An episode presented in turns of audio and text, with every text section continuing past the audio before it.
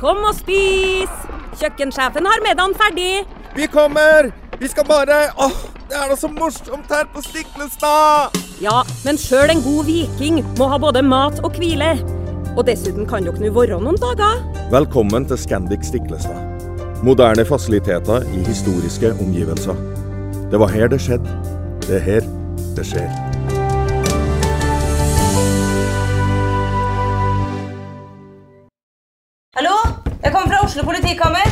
Ine Jansen er purk. Er du purk? The motherfucking bitch. Alt jeg vil, er å finne ut hva som skjedde med mannen min. Jon Carew. Er jeg sikta for noe? Iben Akeli. Det er du. Ole So, Lars Berrum og Big Daddy Karsten. Hvem sin side er du på, egentlig? Anette Hoff, Tone Danielsen, Kommer du fra Afrika?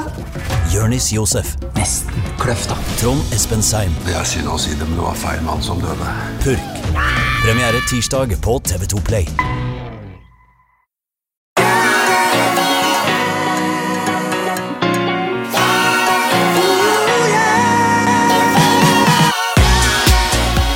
Velkommen til Hjernesterk. Eh, Ole Petter, i dag skal vi snakke om eh, mat igjen. Fordi at eh, du har jo skrevet bok sammen med Tine Sundfør. Og Tine hadde vi jo inne på en podkast litt tidligere. Det begynner å, Tida flyr så fort, så det begynner å kjennes ut som det er veldig lenge siden. Men det var i hvert fall veldig hyggelig. Og hun er jo veldig flink, så du er jo heldig som har kunnet skrive bok med henne. Der skriver dere jo om hva som er mest gunstig av kosthold for kroppen og hjernen, hvorfor mat bidrar på det kognitive og på måten vi tenker på gjennom kreativitet, og forebygging av depresjon og nedstemthet osv. Eh, Og det høres jo veldig ut som egentlig det vi har snakket om når det gjelder mosjon. Eh, Så hvorfor, er du, hvorfor syns du det var så gøy å skrive om mat? Nei, jeg er jo opptatt av eh, alle de faktorene jeg som påvirker helsa vår. Og så har jeg foreløpig brukt mest tid på å snakke om, om fysisk aktivitet og bevegelse. Eh, Det er en åpenbar eh, del av veien, tror jeg, for veldig mange nordmenn til å få bedre helse. Det er jo, som vi har snakket om mange ganger, 75% av befolkningen som eh, beveger seg mindre enn det som er anbefalt. Så nordmenn er inaktive. Og så er det jo mange andre faktorer som påvirker helsa vår, som jeg for øvrig har skrevet om i en annen bok, bok nummer to, som heter Lev til du blir 100. Syv nøkler til et langt og godt liv. Og Der kommer jeg så vidt inn på kosthold, men eh, altså kosthold er viktig. En, det vi spiser, det påvirker absolutt alle celler i hele kroppen. Alle organene våre. Og er en viktig årsak til eh, sykdom og nedsatt hverdagsfunksjon, og, og faktisk død også. Hvert femte dødsfall på verdensbasis tror vi skyldes et uheldig dårlig kosthold. Ja, men det er jo, det er greit, men det er litt sånn som det er med mosjon, Petter, at man tenker på liksom de, de gevinstene av mosjon på det fysiske, hjerte, muskler, lunge, kretsløp osv., de, er de er jo relativt åpenbare for en del mennesker. Men det der med det mentale og hjernen, det er ikke så opplagt. Det, det begynner liksom, Bevisstheten begynner å komme, og det var litt derfor vi starta den podkasten Jernsterk også, for å snakke om gevinstene fysisk aktivitet har på det mentale, på hjernen osv. Men det, den gevinsten kan man også skape på kosthold. Slik jeg har Ja, skjønt det. Ja, det kan du absolutt. Og det er litt samme situasjon egentlig med kosthold som det er med fysisk aktivitet. Så godt som alle nordmenn vet at det er bra for kroppen å bevege seg. Og så er det ganske underkommunisert eh, hva det faktisk gjør med hjernefunksjonen vår og, og hjernehelsa vår. Og sånn er det med mat også. Vi har jo lenge visst at det å, å spise et sunt kosthold som senker kolesterol og blodtrykk bl.a., det er viktig for å forebygge hjerte-karsykdom, spesielt hjerteinfarkt. Men det har vært veldig lite sammenlignet da, eh, snakket om eh, hva den samme type kosthold gjør med hjernehelsa vår. Og det er akkurat like mye. For eksempel så vet vi at en sykdom som hjerneslag, som eh, er den tredje vanligste dødsårsaken i Norge, der vet vi at et- sunt kosthold det er noe av det aller viktigste du kan gjøre for å forebygge, for å unngå å få hjerneslag. Og har du hatt et hjerneslag, så vet vi at det å spise sunt det er kanskje det viktigste verktøyet du har for å unngå å få et nytt et. Så det er litt samme situasjon eh, med mat. Vi vet at det er bra for kroppen med sunn mat, men eh, det har vært ikke så mye snakket om hva det gjør med hjernen vår. Både de hverdagsfunksjonene vi trenger hver eneste dag, disse kognitive funksjonene som du nevnte med oppmerksomhet og hukommelse og humør, Eh, Men også hva det gjør med hjernehelsa, altså risiko for å bli syk. Hjernens aldringsprosess f.eks., som kan bremses ved et sunt kosthold. Så det var en av motivasjonsfaktorene for å skrive denne boka med, med Tine. Mm. Det er spennende det der, altså, men uh, har, du, har dere funnet ut dere to når dere skrev den boka, har dere liksom funnet ut hva som er de beste energikildene? Altså, vi snakker om energikilder for kroppen. ikke sant? Uh, når, når vi drev med idrett, Ole Petter, da var, liksom, da var vi jo opptatt, særlig kanskje på den tida vi drev, da, uh, 90 begynnelsen av 2000-tallet. Eh, Det har jo skjedd mye med kosthold siden den gang, men da var man opptatt av ganske høyoktan sukker. Da. Raske energikilder. Det var eh, mye karbohydrater. Eh, korn, sånne ting. Man var ikke så opptatt av liksom, sammensetning med proteiner, sånn, sånn som man er i dag. Men for hjernen, hva slags energikilder er det som på en måte er, er best for hjernen? Ja, Det er veldig enkelt å svare på når det gjelder hjernen. For hjernen har ett favorittdrivstoff, og det er glukose. Altså sukker. Karbo. Karbohydrater, det er det absolutt. Og det er fordi at eh, nervecellene våre er litt spesielle. De kan ikke bruke eh, fettsyrer og aminosyrer, altså det nedbrytningsstoffene fra proteiner og fett, eh, til som energikilde, sånn som muskler og annet vev kan gjøre i, eh, i veldig stor grad. Det kan ikke hjernen. Hjernen trenger glukose. Unntaksvis så kan den bruke det vi kaller ketonlegemer. altså Hvis du ikke får tilstrekkelig med glukose, så, så sulter egentlig nervecellene, og de fungerer dårligere. Da må de bruke et reservedrivstoff som, eh, som hjernecellene kan lage. Men det fungerer absolutt ikke like godt. Så hjernen vår er helt avhengig av en stabil glukose, altså konsentrasjon i blodet, det vi på godt norsk kaller blodsukker. Mm, men der er det jo også veldig mye forskjellig altså Nå sa jeg karbo, ikke sant? Eh, og, og da tenker folk da sikkert på eh, sukker. Eh, Men det er, jo veldig det er jo forskjellige typer karbohydrater. Det er jo gode karbohydrater og mindre gode karbohydrater. Altså høyoktan, litt lengre karbohydrater. Og det er jo ganske viktig, vil jeg tro, for, for, eh, for helsa. Eh, Og, og folk har liksom en sånn forståelse av karbohydrat er karbohydrat, men sånn er det jo ikke. Nei, absolutt ikke. og Karbohydrater har fått et ufortjent dårlig rykte. Altså, Karbohydrater er vi helt avhengig av, men det finnes mange forskjellige typer karbohydrater vi spiser. da. Du kan spise, kall det sunne, grove karbohydrater. Noen kaller det mat med lav glykemisk indeks. Som glykemisk indeks sier noe om hvor raskt blodsukkeret vårt stiger når vi har spist en spesiell mattype.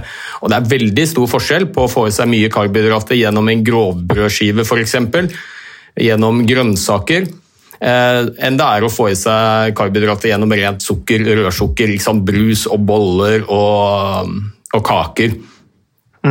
Så, Ja, så det er- ene er veldig bra for oss, mens det andre er, er langt mer usunt. Og, og det handler bl.a. om at eh, hvis du eh, hiver innpå veldig mye sukker, rent sukker, brus, boller, kaker, så vil du få en veldig rask blodsukkerstigning. Disse mm, karbohydratene som vi finner der, de, de brytes ned veldig kjapt, tas opp kjapt i blodet, og du får en rask blodsukkerstigning.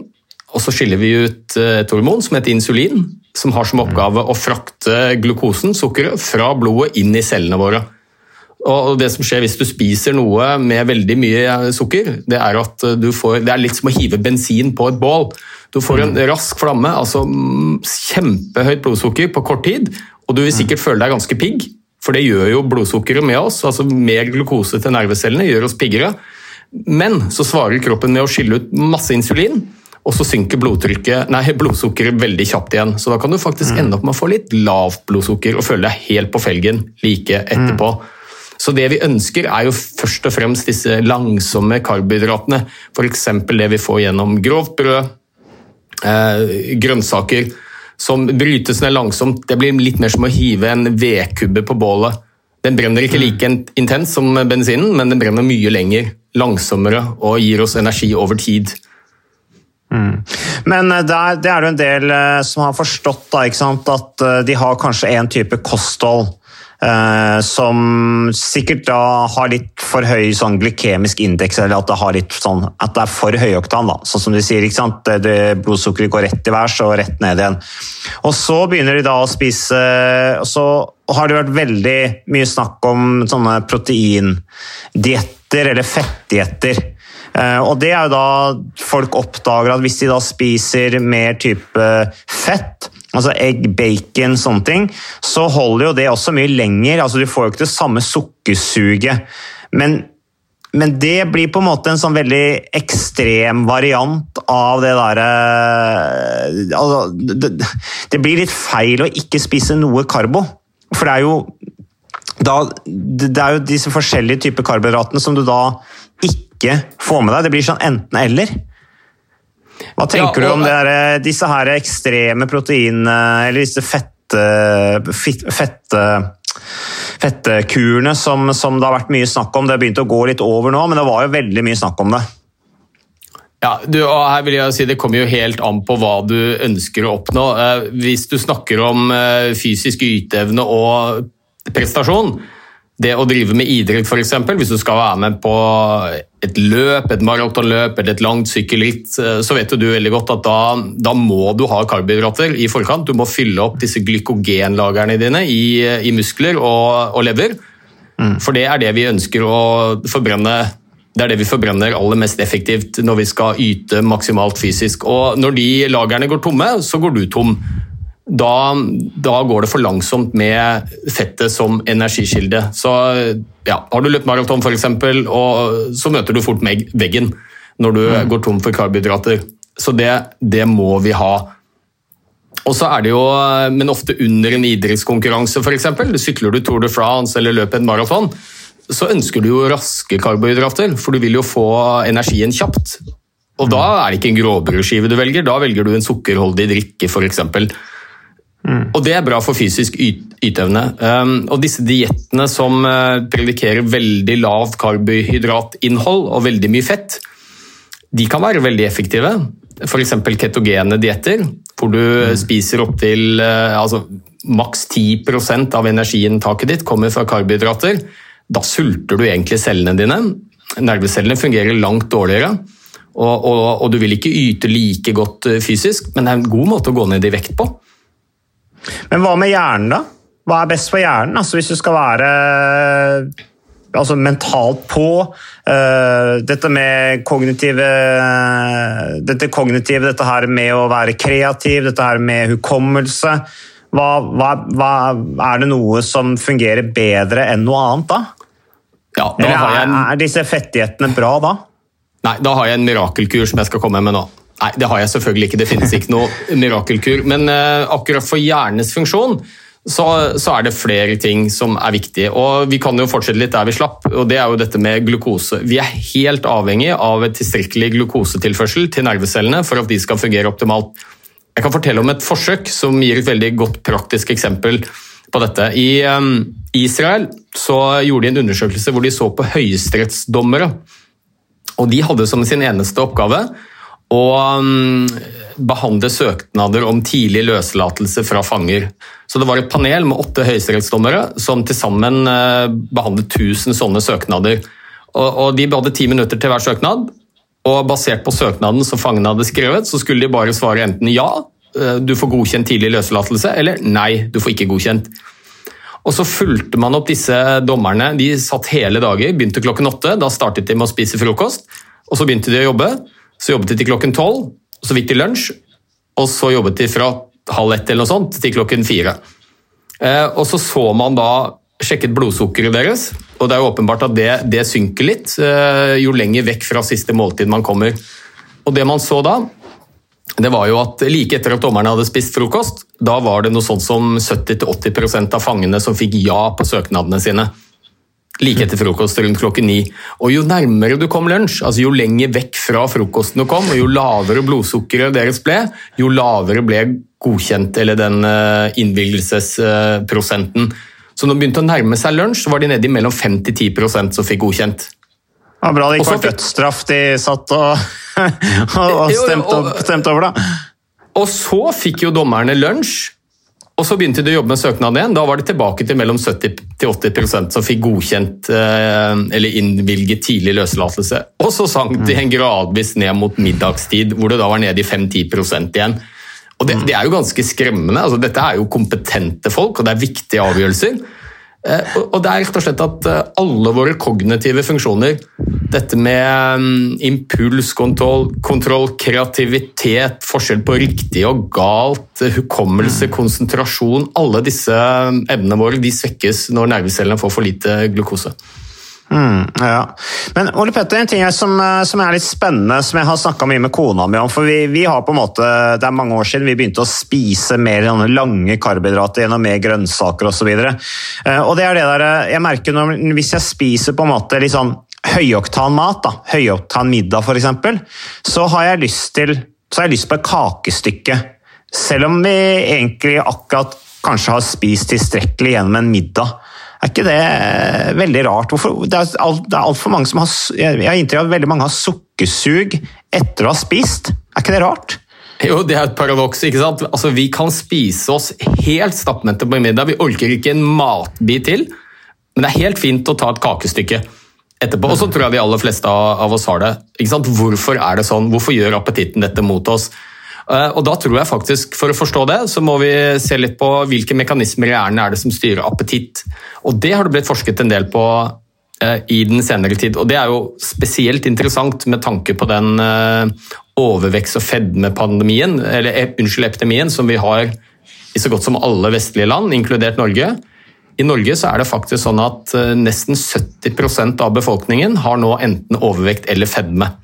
Altså Det er 2,1 millioner nordmenn som er i kategorien overvektig.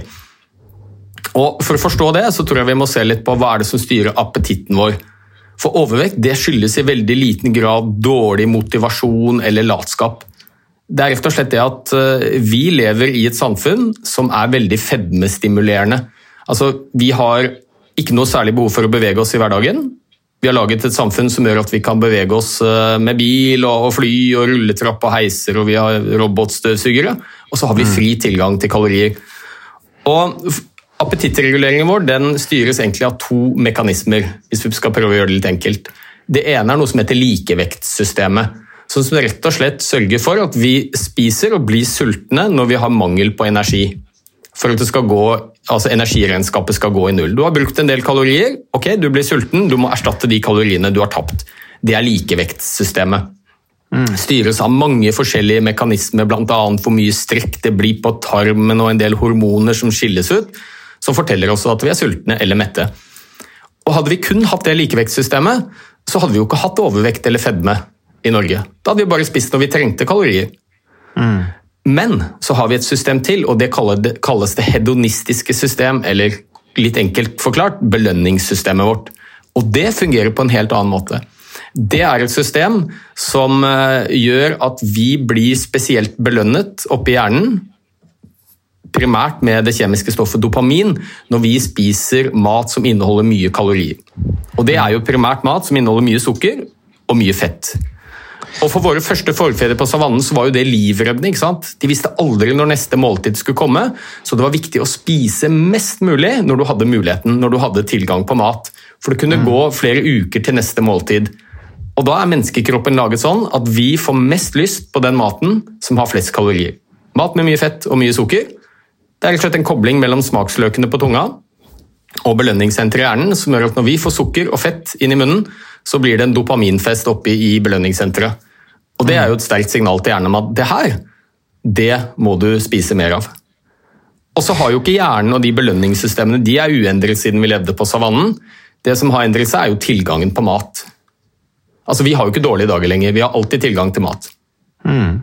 Og så ser du jo hvilken type mat som promoteres mest ikke sant? i butikkene. Hvor er det den usunne maten er? Jo, den finner du ved kassa. Sjokolade og brus og alt mulig sånt. Eh, til og med på Ikea. Så når du er lei av å stå i butikken og kanskje har litt lavt blodsukker, da er det den maten du ser rundt deg, og det er den billigste maten også. Mm. Men uh, dette med dopamin har vi jo snakka om i forbindelse med fysisk aktivitet og fysisk trening også, Ole Petter. Uh, det skilles jo også ut når vi har vært ute og løpt eller syklet. Eller, så det er jo det der belønningsdopet, eller belønningsfesten oppi hodet, den kommer også altså den kommer når vi har spist veldig usunt, eller hvis vi har gjort noe veldig sunt, som å være ute og løpe f.eks. Ja, da, jo, men du må jo huske det at uh, da dette systemet ble utviklet gjennom evolusjonen, så levde vi i en helt annen tid. Da var det mangel på mat, og den viktigste dødsårsaken det var jo sult. Så da var det jo et godt valg for din egen overlevelse å, å spise noe som inneholdt mye kalorier. Det holdt deg gående til du kunne fange neste måltid. Og Spesielt evolusjonsmessig da, for kvinner så var dette viktig. fordi Hvis kvinner går mye ned i vekt og taper mye fettmasse, så mister de eggløsning. Og det er klart, Da er det jo game over for ev evolusjonen. Så vi har disse mekanismene i oss fortsatt. At vi, vi har et ønske om å spise mat som inneholder mye kalorier. Det er det hjernen aller helst vil ha, det gir oss en belønning. og Det, det er jo da litt ironisk. Det var livreddende på savannen. Det er i ferd med å ta livet av oss i dag pga. overvekt og fedme. Men uh, hva sier folk til deg da, når, du har gitt ut uh, den boka nå sammen med Tine Sundfør og snakker om uh, gode matvaner og Det er jo litt sånn som med mosjon. De samme liksom ja, 'jeg liker ikke å, å mosjonere', eller 'den maten dere anbefaler, den syns jo ikke jeg er noe god'. Hva sier man da? Ja, hva sier man da? Jo, Der har jeg et svar som jeg tror funker som rimelig greit. og det er jo at disse smaksløkene våre som sitter på tunga, de har jo forbindelser opp til hjernen. Og det er jo noe mat vi liker, treffer eh, smaksløkene, så, så blir det da en dopaminfest oppi eh, hjernen. Men disse smaksløkene de er veldig tilpasningsdyktige. altså De kan adapteres. Og Det betyr kort fortalt at vi liker den maten vi får. Så La oss si at du er veldig glad i junkfood. Det gir deg en belønning. Og jeg skal være ærlig nok til å innrømme at det gir meg en belønning òg. Jeg går på McDonald's en sjelden gang og spiser en Big Back med pommes frites, så, så, er jo det mat jeg syns er veldig god. Jeg får jo dopaminbelønning. Mm. Hvis du bytter ut noe av den usunne maten med litt sunnere alternativer, så er det kanskje ikke sikkert at du liker det like godt med en gang, men smaksløkene dine den venner seg til å like den maten du faktisk spiser. Mm. Og Et praktisk eksempel på det som jeg ofte bruker, det er jo dette med melk. Da jeg vokste opp på 70- og 80-tallet, så var det jo bare H-melk. Og det drakk jo jeg som alle andre barn. Jeg syntes H-melk var kjempegodt. Så ble jeg litt eldre, begynte på videregående, og så kom eh, skummet melk. Og Da begynte mine foreldre å kjøpe det isteden, for det var jo et sunnere alternativ. Og jeg husker jo at jeg syntes det smakte som bare vanndisk hvip. Det var jo bare vann. Det, det var iallfall sånn det smakte. Men i dag jeg syns det er godt med skummet melk. Prøver jeg å drikke H-melk i dag, så smaker det jo som fløte. Jeg syns ikke det er noe godt lenger i det hele tatt. Så mine smaksløker har tilpasset seg adaptert. Så det, så det, er det jeg pleier å si til pasientene mine. Smaksløkene dine vil venne seg til den nye maten som du eventuelt begynner å spise mer av, som er sunnere, og like den òg. Ja, det er litt som å øve på å spise noe. Altså. Det er jo litt sånn som med kaffe og alkohol. og Man drikker jo ikke det som eh, barn, men man venner seg til, eller lærer seg å, å nyte det som, som, voksen. Så det er jo eh, litt synd, egentlig, at vi lærer oss Ukas annonsør det er uh, HelloFresh. Og uh, hvis du nå går inn på hellofresh.no og bruker koden 'fresh hjerne', så kan du få opptil 1779 kroner rabatt på da de fem første matkassene dine hvis du ikke har prøvd Hello Fresh enda. Og Ole Petter, vi er jo glad i Hello Fresh i podkasten Jernsterk, selvfølgelig fordi at de er en annonsør. De er med og bidrar til å spre det glade ordet om fysisk aktivitet og god helse.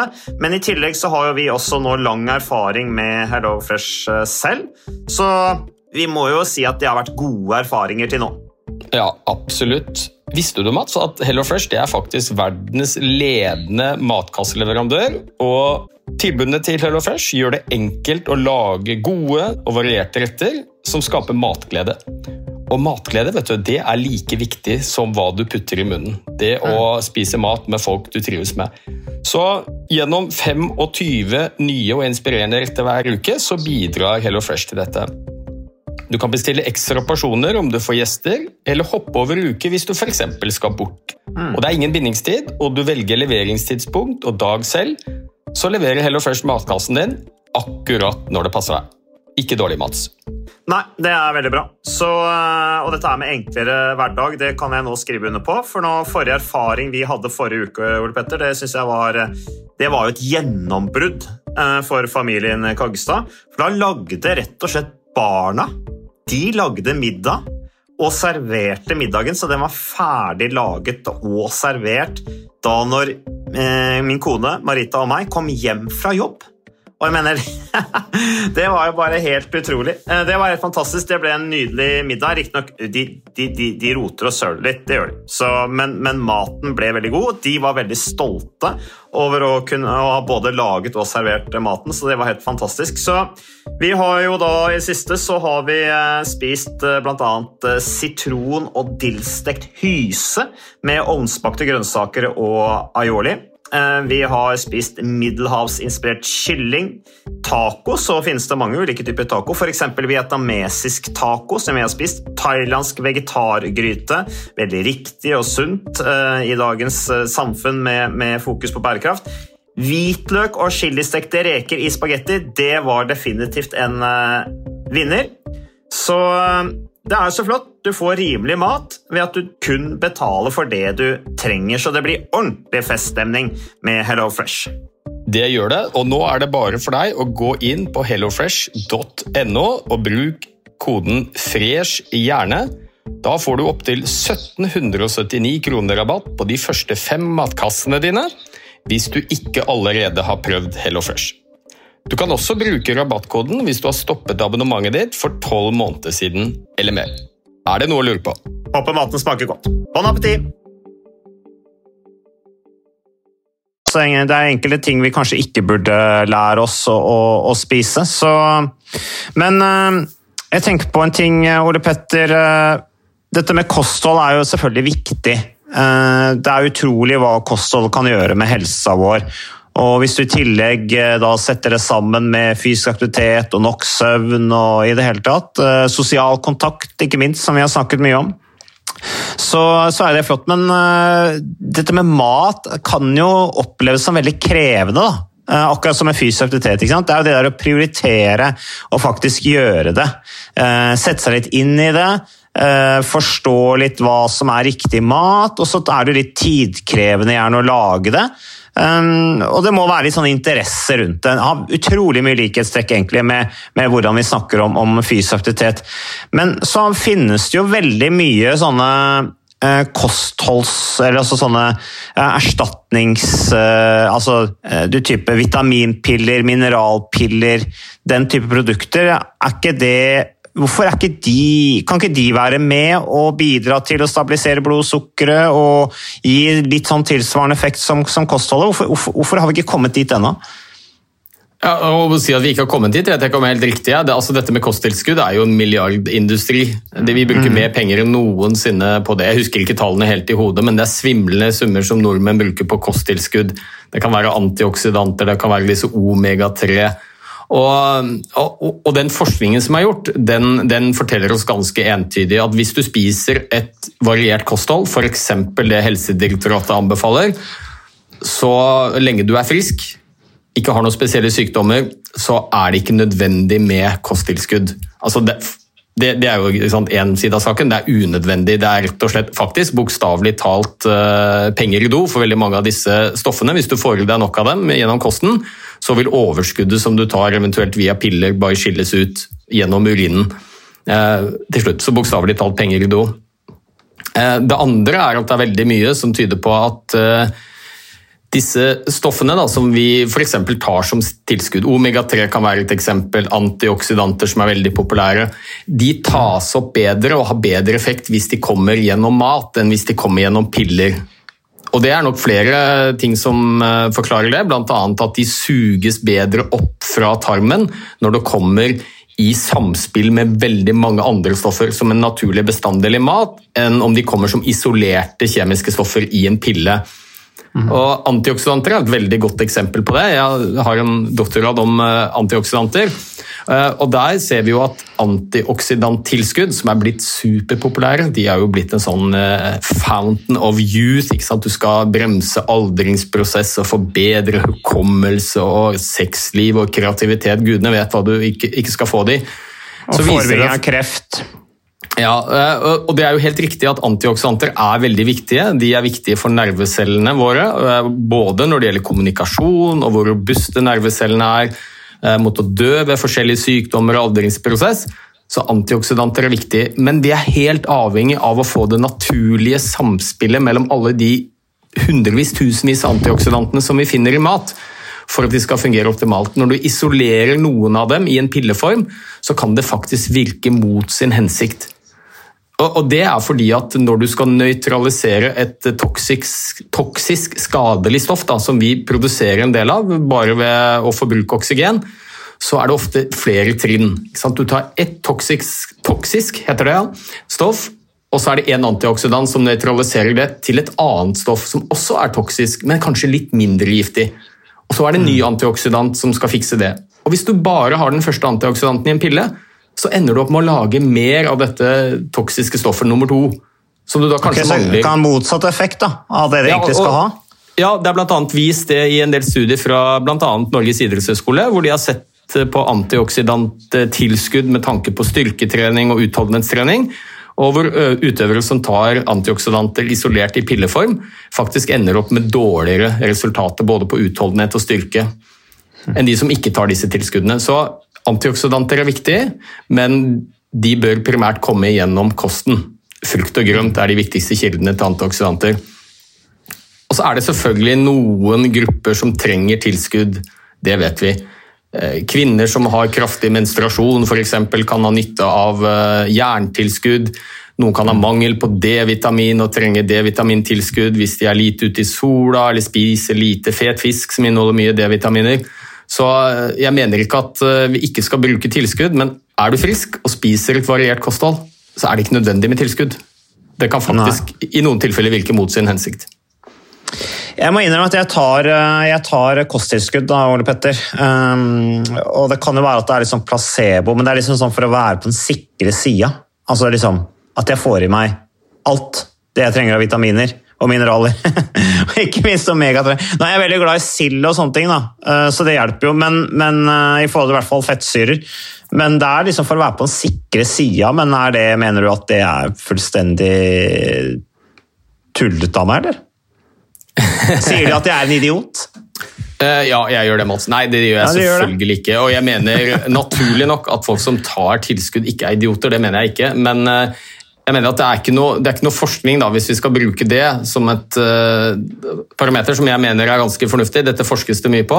Så har det ikke vist seg å ha noen hensikt. Altså, Det gir ikke noe bedre helse ved å ta kosttilskudd. Så I de fleste tilfellene så er det bare unødvendig. Det er ikke dumt, det er ikke farlig, men det er unødvendig.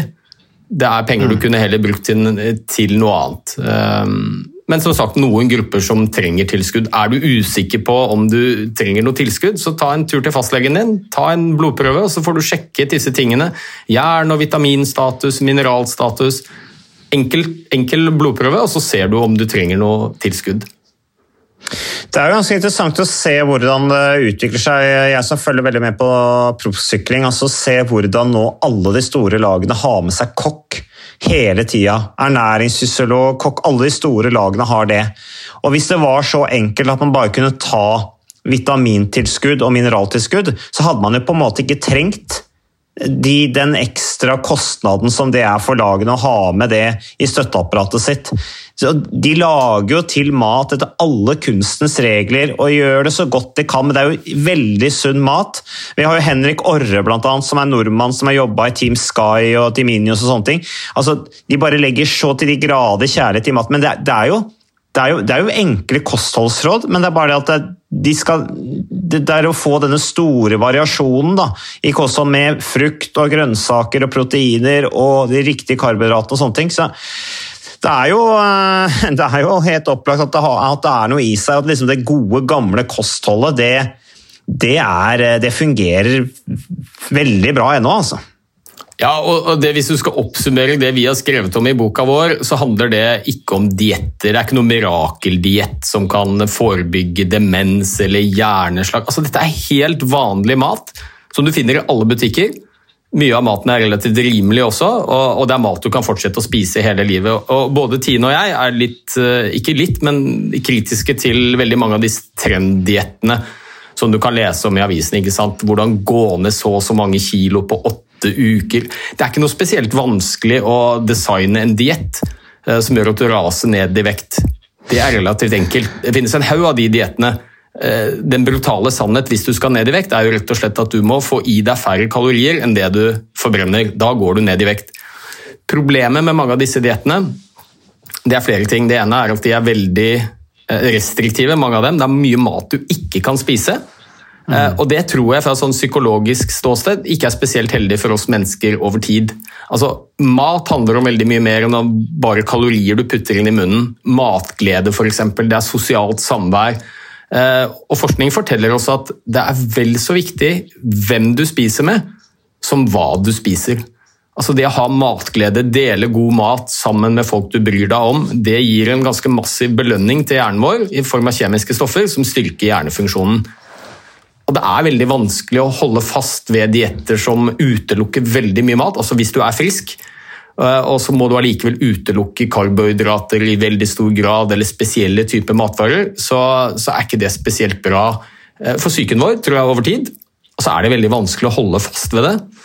Og Litt av utfordringen er jo at spesielt de diettene som har som formål at du skal gå ned i vekt, så er det veldig mye som tyder på at det er flere nordmenn som slanker seg til overvekt og fedme, enn som faktisk går ned i vekt.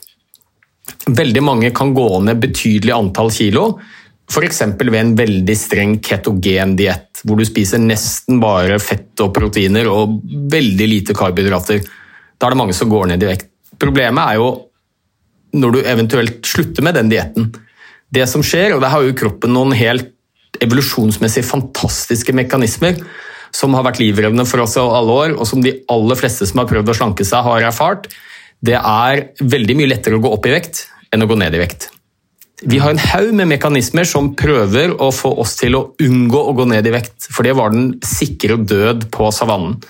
Så en av de tingene som skjer når du spiser færre kalorier, mange færre kalorier enn det du trenger, så, så raser du ned i vekt. Kroppen er ganske lur, så det, det den gjør da, er at den skrur ned forbrenningen din. Sånn at du skal unngå dette vekttapet, for det vil ikke kroppen din.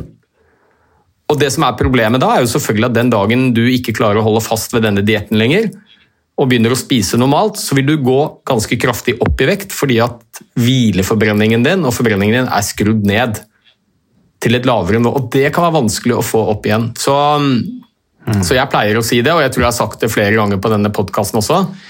Hvis målet ditt eh, er helse, så, så vil jeg anbefale for de aller fleste å unngå å prøve å slanke seg. Rett og slett, Det er fryktelig mm. vanskelig. Eh, og som jeg har sagt flere ganger også, at eh, de som er i den kategorien overvektige, altså har denne BMI-en mellom 25 og 30, det er 2,1 millioner nordmenn. Mitt råd til dem er jo istedenfor å prøve å gå ned i vekt, prøve å unngå å gå opp i vekt.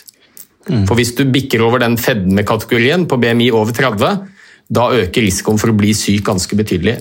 Men det er store, robuste studier som forteller oss at hvis du er frisk, har noen kilo for mye, er i overvektskategorien, så har det marginal effekt på helsa di over tid. En ting er hvis du, hvis du, slanker deg av estetiske hensyn, så er jo det noe man må bestemme sjøl, men hvis du tenker på, på, helsa di, så er det mye mer positivt for helsa di å prøve å unngå å gå opp i vekt. Så lev sunt, spis mat du liker, spis variert, eh, sov godt, beveg deg litt, ha mye sosial kontakt, så er det viktigere enn å prøve å pine seg ned disse kiloene. For det er som sagt mange som ender opp, som starter kanskje i kategorien overvektig, så slanker de seg, og så klarer de ikke å holde fast med det restriktive kostholdet, og så fyker de opp, opp igjen i vekt. Så mm.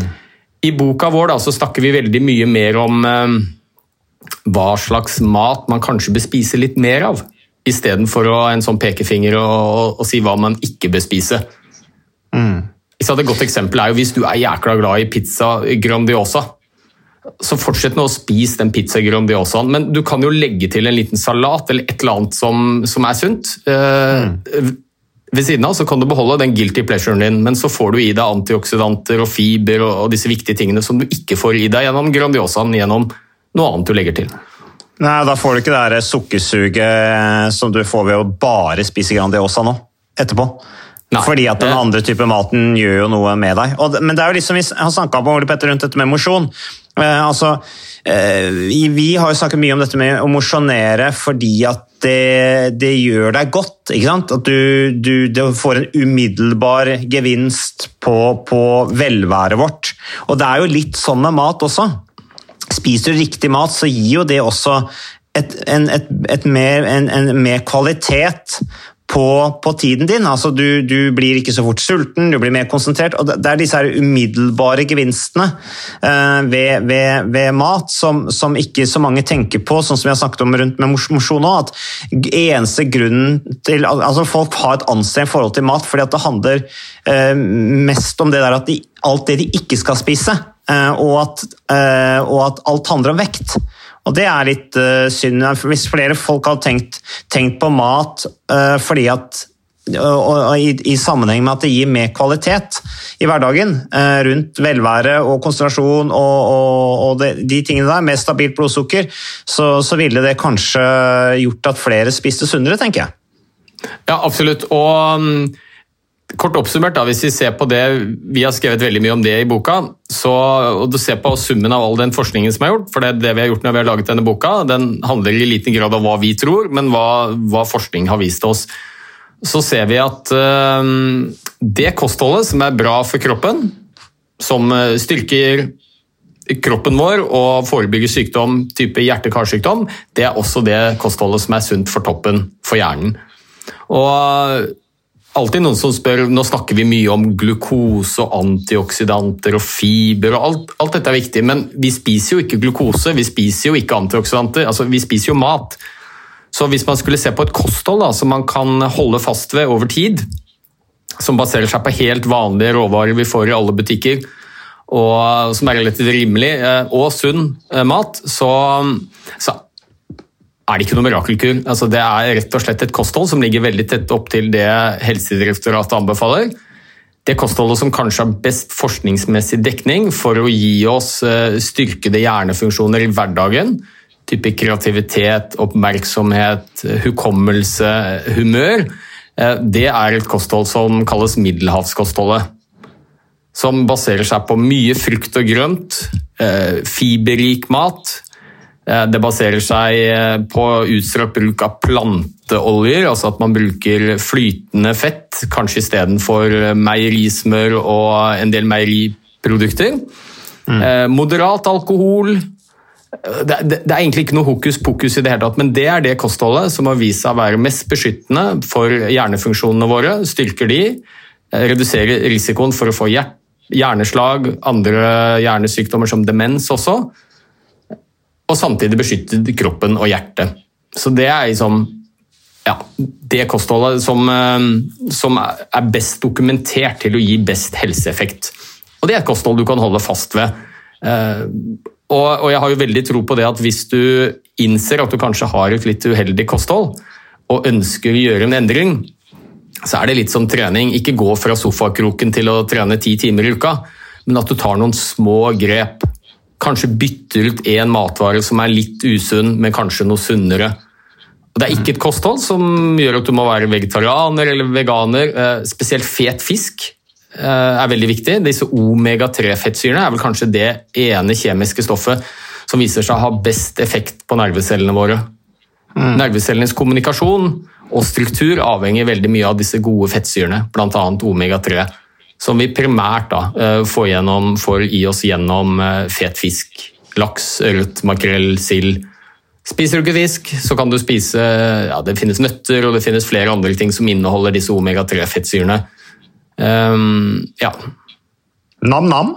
Ole Petter, hva, hva var det du sa? Nam-nam, den boka di, hva var det den het igjen?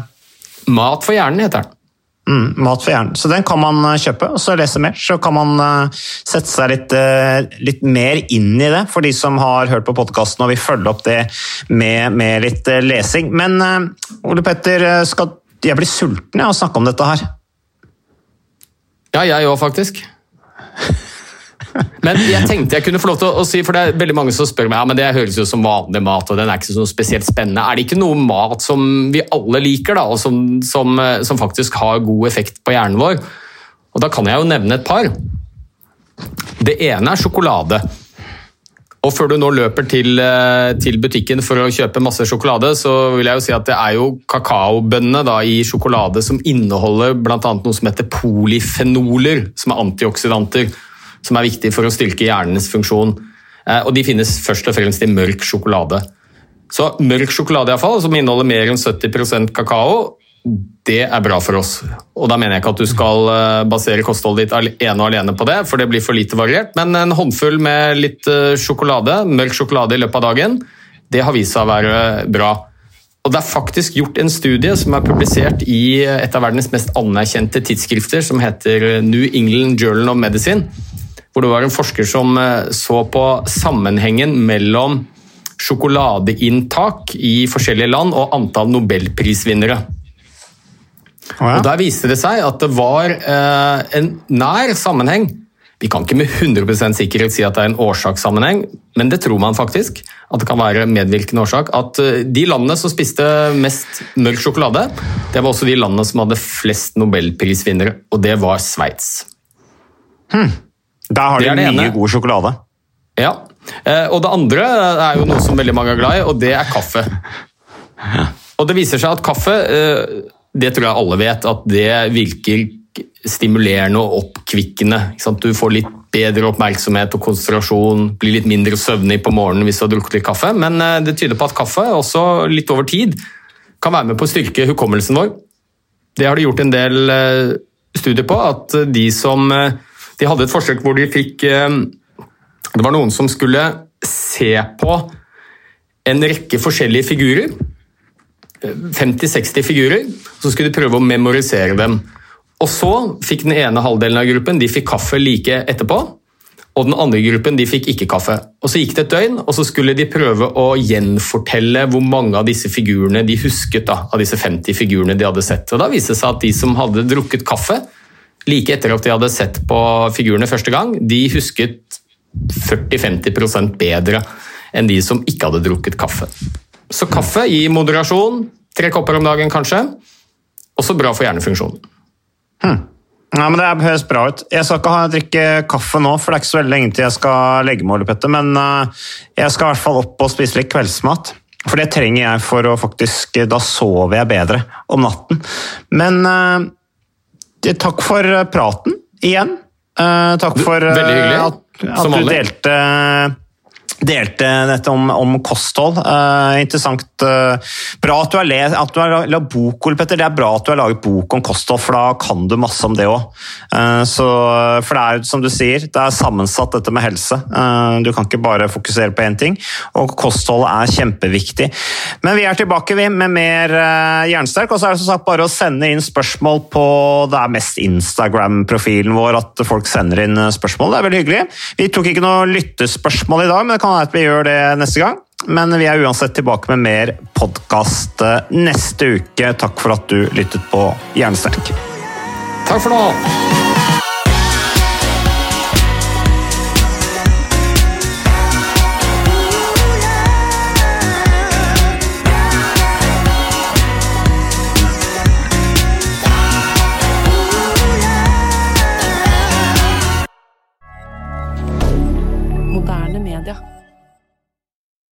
Har du et enkeltpersonforetak eller en liten bedrift? Da er du sikkert lei av å høre meg snakke om hvor enkelt det er med kvitteringer og bilag i fiken, så vi eh, gir oss her, vi. Fordi vi liker enkelt.